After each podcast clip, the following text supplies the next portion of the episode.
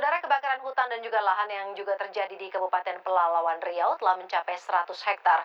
Upaya Kebakaran lahan gambut di Kalimantan Barat membuat kota Pontianak dilanda kabut asap. Selama dua hari terakhir, kualitas udara di kota Pontianak sempat masuk kategori berbahaya. Kabut asap yang menyelimuti kota Pontianak dan sekitarnya dipicu oleh kebakaran lahan gambut yang diduga disengaja. Enggak sekali dua kali nih lahan gambut di Indonesia kebakar atau dibakar ya. Soalnya beberapa kebakaran ternyata diduga disengaja nih. Ingat gak sih Nel tahun 2015 sama 2019 tuh ada dua kali kebakaran hutan dan juga kebakaran lahan yang gede banget. Luas lahan terbakar di tahun 2019 aja tuh dua kali lipat dari tahun-tahun kemarin sekitar 620 ribu hektar dan hampir sepertiganya ternyata tuh lahan gambut. Dan you know what? Menurut data Kementerian Lingkungan Hidup dan Kehutanan sampai tahun 2022 kemarin, lahan gambut yang rusak itu sampai 20 juta hektar loh. Coba bayangin dulu deh Kak Acil, 20 juta hektar tuh seberapa gede sih? Nah, itu tuh setara sama belasan juta lapangan bola. Gede banget kan? Coba dibayangin. Nggak kebayang sih Kak. Tapi jelas itu ngeri banget ya. Soalnya kan lahan gambut itu perannya penting banget nih. Karena dia menyerap karbon dioksida, si paling sumber emisi itu. Sebanyak 20 kali lipat lebih banyak dibandingkan hutan hujan tropis atau tanah bermineral. Dan ya kita tahu lah ya kalau emisi itu yang jadi biang keroknya peningkatan suhu bumi. Kita kan udah ngerasa banget ya kak, bumi itu makin panas yang artinya emisi banyak banget dong. Dan kalau gambut itu bisa menyerap emisi berkali-kali lipat lebih banyak, maka ya itulah dia kenapa gambut mesti dijaga. Sayangnya kalau dengan lahan gambut sekarang yang dibiarkan terbakar, karbon yang terlepas bukan hanya dari proses pembakarannya aja. Gambut sepanjang ribuan tahun dia terbentuk, dia menyimpan karbon. Ketika itu terbakar dia terlepas.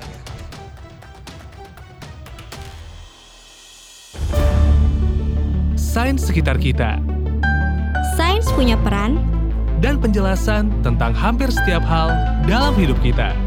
produksi KBR, Dan The Conversation Indonesia. Sains sekitar kita. Halo, balik lagi dengan saya Muhammad Syarif Acil. dan saya Cornelia Wendelina di Sains Sekitar Kita season ketiga. Di episode kali ini kita bakal ngebahas all about gambut. Tahu nggak sih kalau misalnya Indonesia itu ternyata adalah negara kedua yang punya lahan gambut terluas di dunia. Jumlahnya sekitar 24 juta hektar. Mayoritas lahan gambutnya itu ada di Sumatera, Kalimantan, sama Papua, Nel. Tapi emang Kak Acil pernah lihat gambut? Belum. Aku kan di Jakarta cuma bisa lihat dari internet kan. Tapi I've done my research, right? Jadi gambut itu tuh adalah lahan basah yang hidup dalam kondisi berair, Nel. Jadi gambut itu terdiri dari sisa-sisa vegetasi yang umurnya udah jutaan tahun gitu. Teksturnya lunak, mudah menyusut, dan dia itu kayak sponge gitu. Jadi kalau pas musim hujan, dia bakal nyerap air dalam jumlah besar. Nanti airnya bakal dikeluarin deh dikit-dikit saat kemarau. Dan gambut itu tuh bukan pohon tinggi besar menjulang gitu ya. Namanya juga kayak sponge, jadi dia ada di bawah tanah gitu. Hmm, baiklah. Eh, tapi kan Kak, tadi kan ada suara laki-laki tuh ya di awal yang cerita soal kenapa gambut itu penting. Kita kenalan yuk. Namanya itu Wahyu Perdana, juru kampanye dari Pantau Gambut. Ini adalah organisasi inisiatif anak muda yang peduli isu gambut. Kata dia nih, gambut adalah ekosistem yang esensial. Kenapa disebut ekosistem esensial? Karena kalau rusak nggak bisa dipulihkan. Ini bukan pohon yang ditebang terus bisa kita tanam lagi. Kalau sudah terlanjur rusak habis. Sayangnya dalam pantauan kita, studi terakhir di tahun lalu, kurang lebih 39 persen atau sekitar 5,2 juta hektar itu berada dalam kawasan konsesi. Jadi agak ironi, ekosistem yang harusnya berfungsi lindung sebagian besar berada di konsesi. Serem banget sih kalau udah rusak nggak bisa dipulihkan lagi. Beh. Tapi horor yang dia maksud tuh gimana ya? Emang kenapa kalau gambut itu tuh ada di lahan konsesi gitu? Eh, tapi bentar deh. Yang dimaksud lahan konsesi itu lahan yang dikuasai pihak lain kayak perusahaan swasta gitu kan ya? Iya, benar. Nah, jadi lanjutin nih pertanyaan Kak Acil tadi ya. Lahan gambut di Indonesia ini diberikan konsesi atau izin untuk membuka tambang atau menebang hutan oleh pemerintah. Makanya tuh lahan gambut jadi rentan kebakaran dan kebanjiran. Ya gara-gara tadi udah rusak. Karena dia berada dalam konsesi, kerentanannya adalah mudahnya begini. Kalau musim kering, dia rentan kebakaran. Kalau musim hujan, wilayah itu rentan menjadi kebanjiran. Itu yang jadi ekosistem PR dalam ekosistem gambut di kita. Sayangnya nih, lahan gambut yang kebakar dan rusak itu udah banyak banget. Sampai Juli 2022, ada 20 juta hektar gambut yang rusak. Ini artinya 80% lebih dari total area gambut di tanah air loh, Nel. Mhm, dan ini kan gede banget ya kak. Berarti kita cuma bisa memanfaatkan 20 persennya aja. Padahal banyak banget loh manfaat dari gambut. Beberapa jenis ikan besar tuh bisa hidup loh di lahan gambut. Ada juga beberapa jenis sagu, lalu yang tumbuh baik ya di sana. Lalu juga ada yang lebih penting. Kemampuan sponsi gambut itu bisa menyerap emisi berkali-kali lipat lebih besar ketimbang hutan tropis tadi. Seperti yang aku bilang tadi. Wait, wait, wait. Tadi kan kamu bilang 80% eh, lahan gambut tuh rusak ya. Kebakar gitu. Dan di dalam si gambut ini kan ada emisi dari karbon dioksida yang diserap itu. Nah terus karbon dioksida ini tuh apa yang terjadi gitu? Gambut sepanjang ribuan tahun dia terbentuk, dia menyimpan karbon. Ketika itu terbakar, dia terlepas. Pada faktor kesehatan, beberapa jenis karbon dioksidanya jika teroksidasi seperti pirit, kalau itu terbakar, dampaknya lebih beracun 20 kali lipat terhadap paru-paru. Sekilas info nih, pirit itu zat yang terdiri dari mineral sulfida, banyak ditemukan di rawa atau di balik lapisan gambut. Julukannya itu raksasa tidur di lahan rawa. Soalnya dia ya anteng-anteng aja ya tidur di dalam gambut. Tapi begitu lahannya terbakar, si pirit ini ketemu O2 alias oksigen, langsung bangun deh tuh raksasanya. Roar gitu. dan kalau pirit udah bangun, tanah jadi asam. Lalu pH-nya itu anjlok dan tanaman gak bakal sanggup hidup di sana. Ekosistem gambut dan iklim sangat terkait erat. Kan teman-teman muda sering nonton tontonan soal perubahan iklim, kalau glacier mencair, ada karbon terlepas, ada penyakit mikroba purba yang terlepas, suhu bumi lebih panas. Hal yang sama itu terjadi juga di gambut. Begitu kita buka landscape-nya, tutupan lahannya, karbonnya terlepas. Nah ini yang agak sulit menjelaskan ke teman-teman berasal dari Jawa yang jarang ketemu ekosistem gambut. Eits, bentar. Apakah ini mas-mas sedang berbicara soal saya, anak di Pulau Jawa yang gak pernah lihat gambut itu? Bisa Dia- jadi. Dia menyindir ya kayaknya. Uh, but wait, ini nyisain PR besar di kepala aku, Nel gitu. Gambut ini kan fungsinya banyak banget ya. Penting banget nih buat bumi kita yang tinggal satu ini doang. Sebenarnya the one and only sih. Tapi kasus kebakaran gambutnya kan juga nggak kurang-kurang gitu. Aku juga baca kalau misalnya banyak banget gambut yang dialihfungsikan itu buat jadi lahan pertanian dan perkebunan. Dan cara alih fungsinya adalah dengan cara dibakar. Untuk memberi gambaran yang cukup mudah begitu, pembakaran gambut kita itu gampangnya dalam 18 tahun terakhir itu setara dengan 71 ribu liter pemakaian bensin. Jadi cukup besar. Atau kalau mau mudah, lahan gambut yang tersisa sekarang itu terjadi pembakaran lagi, itu seperti PLTU. Ada 11 ribu PLTU yang nyala bersamaan, yang gunakan batu bara. Jadi kontribusi alih fungsi lahan cukup besar. Khususnya dari industri ekstraktif, apakah itu sawit ataupun kebun kayu. 11.000 PLTU nyala barengan. 71.000 liter bensin. Wah gila, ini ngeri banget sih. Nah, kenapa kemudian kita memilih berhati-hati dan mendorong pemerintah harusnya evaluasi konsesi dong. Sepanjang 2021-2022 kita lakukan pemantauan di lapangan, lebih dari 300 titik lokasi kita cek, lebih dari setengahnya itu habis terbakar jadi lahan perkebunan sawit atau jadi lahan HTI, jadi kebun kayu yang ditanami akasia. Padahal regulasinya menyampaikan kalau dia eks terbakar tidak boleh kemudian ditanam. Tapi kan kita punya PR dalam penegakan hukum. Itu juga jadi PR sendiri. Sekarang kita punya PR lain pada regulasi yang lebih longgar. Nih kalau disimak barusan gitu PR-nya tuh serius semua gitu. Rasanya kayak pemerintah kita santai banget gak sih buat menghadapi kebakaran hutan dan juga lahan gambut ini? Ingat gak sih Kak Acil, tadi kan udah dijelasin ya. Kalau lahan gambut itu kebanyakan berada di lahan konsesi. Yang artinya itu lahan bisa dimiliki oleh pihak swasta nih misalnya. Nih aku ada catatan nih Kak Acil. Jadi Kementerian Lingkungan Hidup itu udah banyak melayangkan gugatan administratif dan perdata ke pelaku pembakaran hutan sepanjang tahun 2015. Lalu di 2019 KLHK juga mengajukan gugatan pidana. Kalau dibilang apakah ada putusan yang mengatakan bahwa perusahaan bersalah, banyak sekali. Kita lebih dari 18 triliun gugatan itu dimenangkan pemerintah. Sebagian besar jadi kerugiannya dibagi terhadap biaya ganti kerugian lingkungan hidup dan biaya pemulihan lingkungan hidup. Biaya pemulihan lingkungan hidup biasanya lebih besar. Sayangnya putusan itu tidak ditindaklanjuti dengan eksekusi. Minta dicubit deh, ini bikin gemes soalnya. Putusannya udah ada, tapi yang lemah malah eksekusinya. Ada, bikin pusing ya kan? Kalau penegakan hukumnya lemah, akhirnya jadi presiden. Kejadian berulang, pelanggarannya menggunakan lahan gambut terus berulang. Itu PR pertama. Nah ini yuk gitar siap, drum siap ya semuanya ya kumana. Kayak komeng nyanyinya malahan ya kan. Kayak gini nih, bikin nangis semua orang Nel. Bener-bener. Tapi yang perlu jadi perhatian kita juga nih kak. Kalau ada kebakaran lahan termasuk gambut di wilayah Indonesia ya. Yang kena itu ya nggak cuma Indonesia. Namanya juga kebakaran. Bentuknya kan asap tuh. Asapnya terbang deh ke negara lain. Contohnya aja kayak Singapura dan Malaysia tuh Hmm. yang sering banget protes ke Indonesia soal ini. Di tahun 2015 aja, Singapura sampai menggugat 5 perusahaan kertas dan sawit penyebab kebakaran lahan di Indonesia loh. Hmm. Dan Malaysia juga mengirim surat protes ke Presiden Jokowi di tahun 2019. Nih kebayang ya, Malaysia, Singapura aja kesel. Nah, kita sebagai sumber asapnya ya pasti makin berasa panas sih. Apalagi nih ada potensi El Nino di Indonesia yang bakal ngebuat musim hujan itu bakal datang terlambat gitu. Kira-kira gimana ya dampaknya sama lahan gambut kita ini nih?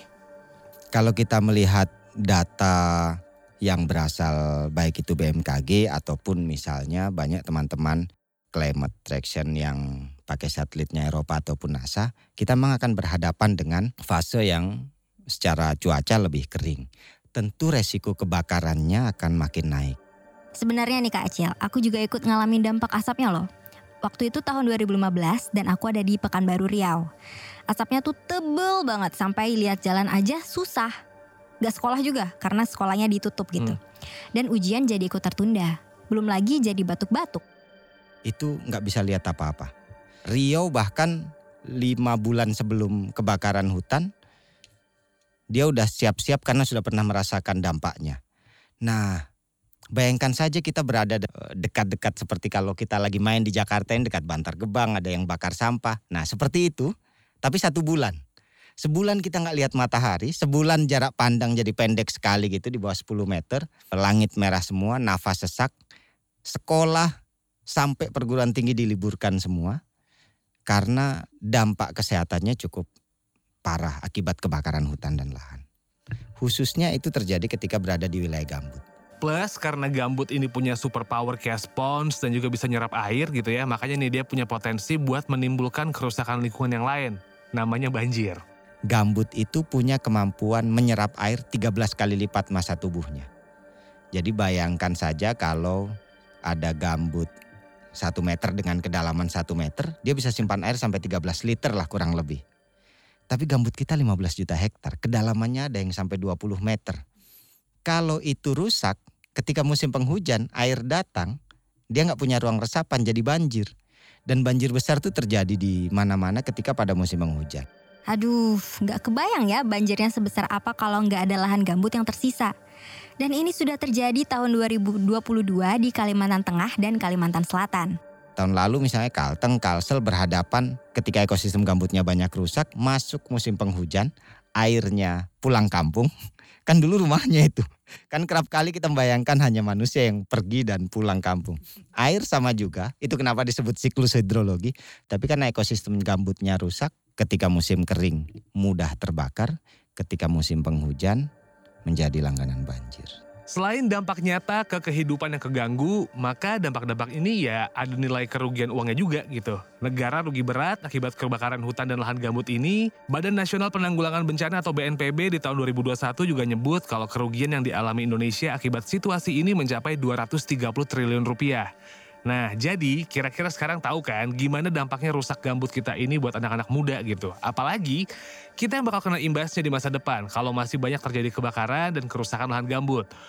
Udah banyak banget tuh kerugiannya ya kan. Nggak bisa healing kalau ada asap, perekonomian susah, kesehatan keganggu, produksi kopi sulit, nggak bisa makan sagu lagi, ya kan. Nggak bisa, ya itulah pokoknya Hmm, banyak lah. Oke, cukup cukup cukup. Cukup dengan cerita-cerita suram itu deh. Apa sih yang bisa kita lakukan sebagai anak muda? Apalagi kan nggak semua ya bisa terjun langsung jaga gambut. Betul. Kayaknya yang ada di pulau atau di kota lain gitu, apa ya yang bisa kita lakukan? Ada tahu namanya tuh Pantau Gambut ya. Yang dari tadi suaranya kita dengar sama-sama itu Mas Wahyu ini dari Pantau Gambut. Ini adalah organisasi yang fokus pada riset, advokasi dan juga kampanye soal perlindungan dan keberlanjutan lahan gambut di Indonesia. Hmm, kayaknya aku tahu deh. Bentar ya, aku cari dulu. Nah ini dia nih yang akun Instagramnya @pantaugambut ini kan? Kontennya menarik banget loh. Ada maskotnya loh kak namanya Kak Pit. Lihat deh kak. Ada konten yang namanya kelas gambut juga Dan juga asumsi versus realita. Wah pas banget nih nih buat kita-kita yang belum paham soal gambut Supaya kita bisa belajar. Belum lagi ada tips-tips supaya kita sebagai anak muda bisa ikut berkontribusi program terbaru dari mereka nih. Ada namanya Gambut di Kala Senja. Sebuah pameran tentang gambut gitu. Tapi tapi gimana ya caranya supaya anak muda bisa berkontribusi menjaga gambut selain ya tadi? Kan kita lagi doyan healing ini ya. Kayaknya penting agak main jauh menjadi penting. Karena banyak hal yang tidak bisa ditangkap oleh gambar. Generasi sekarang cukup punya keleluasaan sebenarnya. Baik itu mendapatkan informasi atau menyampaikan suara. Sesekali begitu selain digunakan untuk update status, untuk scrolling soal bagaimana ekosistem gambut kita menjadi penting. Karena yang galau kan bukan hanya soal perasaan kita. Yang galau itu juga gambut kita, sudah tinggal dikit. Wah ini pas banget kayak salah satu postingan di Instagramnya Pantau Gambut ya. Ceritanya kayak ada poster film Wakanda Forever gitu kan. Tapi terus tulisannya, wah kok nggak ada forestnya ya? Hmm, Gitu. nah itu jelek banget sih kak menusuk tepat di hati. Teman-teman yang muda itu cukup aware terhadap perubahan iklim. Dia tahu mencairnya glacier di kutub yang cukup jauh dari Indonesia berdampak pada perubahan iklim di kita. Tapi jangan lupa penting juga baca bacaan yang cukup dekat terbukanya ekosistem gambut di Indonesia, rusaknya itu pada akhirnya juga akan berdampak pada perubahan iklim di Indonesia. Buat teman-teman muda, penting juga sebenarnya yang dikepoin bukan hanya mantan. Yang dikepoin adalah apa yang sedang pemerintah kerjakan. Sedikit yang tahu misalnya ketika Undang-Undang Cipta Kerja isu ketenaga kerjanya cukup naik. Tapi kan tidak banyak yang perhatikan ternyata ada lebih dari 800 konsesi kebun sawit dalam kawasan hutan tidak sah, nggak punya izin. Tiba-tiba dalam tanda kutip dapat pemutihan ya bahasa administrasinya diberi waktu tiga tahun untuk melengkapi syarat administrasinya. Ini nggak bener sih. Kita kudu kawal terus yang kayak gini-gini jangan sampai lolos kayak yang pakai baju merah ya. Nah buat teman-teman muda yang hidupnya di dekat gambut maka aksinya bisa beda lagi. Kalau teman-teman muda yang berada di Sumatera, Kalimantan, inisiatif-inisiatifnya relatif sangat banyak. Ada kelompok perempuan di Siak Rio begitu, dia ngelindungin gambutnya dengan tanam bawang karena tahu bawang yang berada di ekosistem itu ternyata tumbuh lebih baik. Di tempat lain ada beberapa teman muda yang jadi kepala desa, nggak muluk-muluk nggak jadi DPR, jadi kepala desa, dia bikin perdes perlindungan ekosistem gambut. Gara-gara waktu dia masih anak-anak ngerasakan bagaimana gara ketika konsesi datang kebakaran hutannya cukup buat sesak dan dia tahu itu dari ekosistem gambut. Beberapa teman yang lain memodifikasi sagu dan turunannya begitu dengan pendekatan yang lebih populer. Kemasan yang lebih menarik, mengenalkan, mendorong kampanye-kampanye pangan lokal menjadi menarik. Itu buat teman-teman yang dekat dengan ekosistem gambut, saya kira banyak sekali inisiatif-inisiatifnya. Aku denger ini, bulu jaketku merinding keren banget aksi mereka tau gak sih? Iya dong, perempuan di Siak yang tanam gambut itu diperkenalkan sama LSM Riau Women Working Group atau WWG gitu. Nah, mereka juga punya program pembahasan gambut supaya lahan gambut di sana terhindar dari resiko kebakaran. Ada juga nih komunitas konservasi Indonesia atau KKI Warsi di Jambi. Mereka ini lembaga yang mendampingi masyarakat untuk mengelola sumber daya alam di sana. Kerennya, mereka bisa menghasilkan produk-produk makanan yang tumbuh di lahan gambut terus mereka jual deh. Contohnya aja kayak dodol nipah, lalu juga ada kopi liberica. Yap, ini unik banget sih. Jadi kalau kita sebagai anak muda ada kemauan buat cari tahu, banyak yang bisa kita lakuin sebenarnya. Intinya, jarak bukan masalah ya. LDR sama gambut nggak apa-apa. Mesti tetap perhatian dong ya kan. Buat teman-teman yang jauh dari ekosistem gambut, berhubungan dengan ekosistem itu secara langsung ataupun tidak langsung tetap menjadi penting. Karena konon nggak ada planet B, plan B ini. Kita hidup di bumi yang ini saja.